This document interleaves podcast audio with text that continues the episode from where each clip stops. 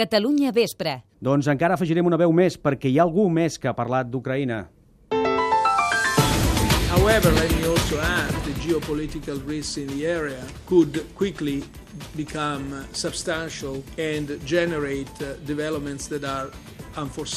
És aquest, Mario Draghi, el president del Banc Central Europeu, que creu que la crisi ucraïnesa ja ha tingut un impacte econòmic greu per Rússia, però no veu per ara motius d'alarma per la zona euro, bàsicament. Tot i això, també alerta que si la situació empitjora hi pot haver conseqüències imprevisibles per l'eurozona. Ho ha dit després de la reunió mensual del BCE, l'habitual, on s'ha decidit mantenir per quart mes consecutiu els tipus d'interès al mínim històric del 0,25%. Eh, 0,25%. Berlín Gematarés, molt bona tarda. Hola, bona tarda.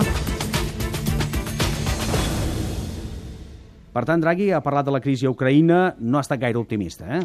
No gens, en tot cas, si la situació s'agreuja, perquè llavors podria tenir conseqüències imprevisibles importants, ha dit, per la zona euro. Per ara, però, el president del Banc Central Europeu ha assegurat que no ha tingut efectes. Quan mirem a la situació específica d'Ucraïna des d'una perspectiva purament tecnocràtica i ens fixem en el comerç de productes, de serveis, de serveis financers i de capital que flueixen, veiem que les interconnexions no són tan importants com per suggerir que hi ha un fort contagi d'aquesta regió.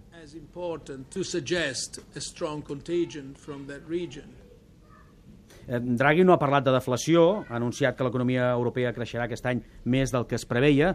Podem dir que, que s'han acabat les reformes, doncs? No, no, ni molt menys. Les reformes estructurals, sobretot al mercat laboral, han de continuar, dit.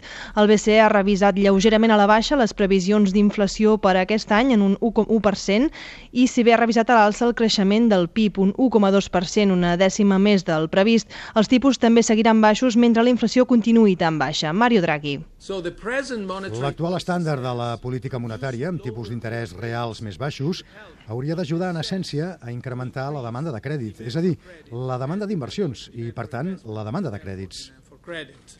Doncs Draghi, que ha passat d'una crisi político-militar estratègica a una altra, ha passat a l'altra, l'econòmico-financera. Amb això ha acabat. Gràcies, Gemma, molt bona tarda. Bona tarda, Kilian.